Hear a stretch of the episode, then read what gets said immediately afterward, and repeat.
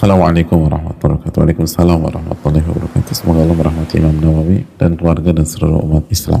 Amin ya alamin. Ustaz izin bertanya, sejauh apa kita bisa menasihati teman yang jarang sholat?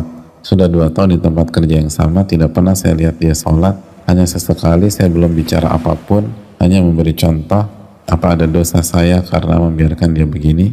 Tapi dia sudah balik dan saya sudah memberikan contoh sholat tepat waktu. Dia juga sudah punya suami, apa bisa kita dituntut di akhirat karena membiarkan dia begitu? Saya kurang pandai bicara, takut teman tersinggung dan terkesan benar sendiri. Ya terima kasih.